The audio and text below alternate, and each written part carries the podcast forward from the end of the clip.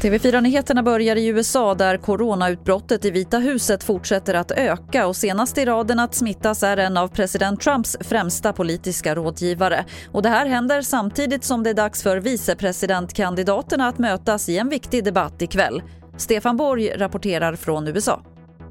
Den är nog mer viktig än, än på, på, många, många år. Därför, dels därför att de båda huvudkandidaterna, alltså Joe Biden och Donald Trump, är så pass gamla.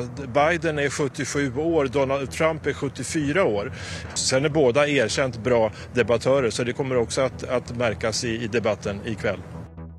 Här hemma varnas studenter i Lund för fräcka stölder i korridorboenden. Det här skriver Sydsvenskan. I helgen har två män med gula västar sagt att korridoren skulle utrymmas på grund av brandövning och när alla studenter lämnat sina bostäder ska männen ha stulit värdesaker och försvunnit därifrån.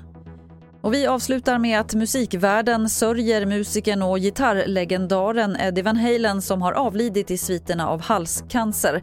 Bandet Van Halen har tillsammans bland annat gjort rockklassiker som Panama och Jump. Eddie Van Halen blev 65 år. Det var det senaste från TV4 Nyheterna. Jag heter Lotta Wall.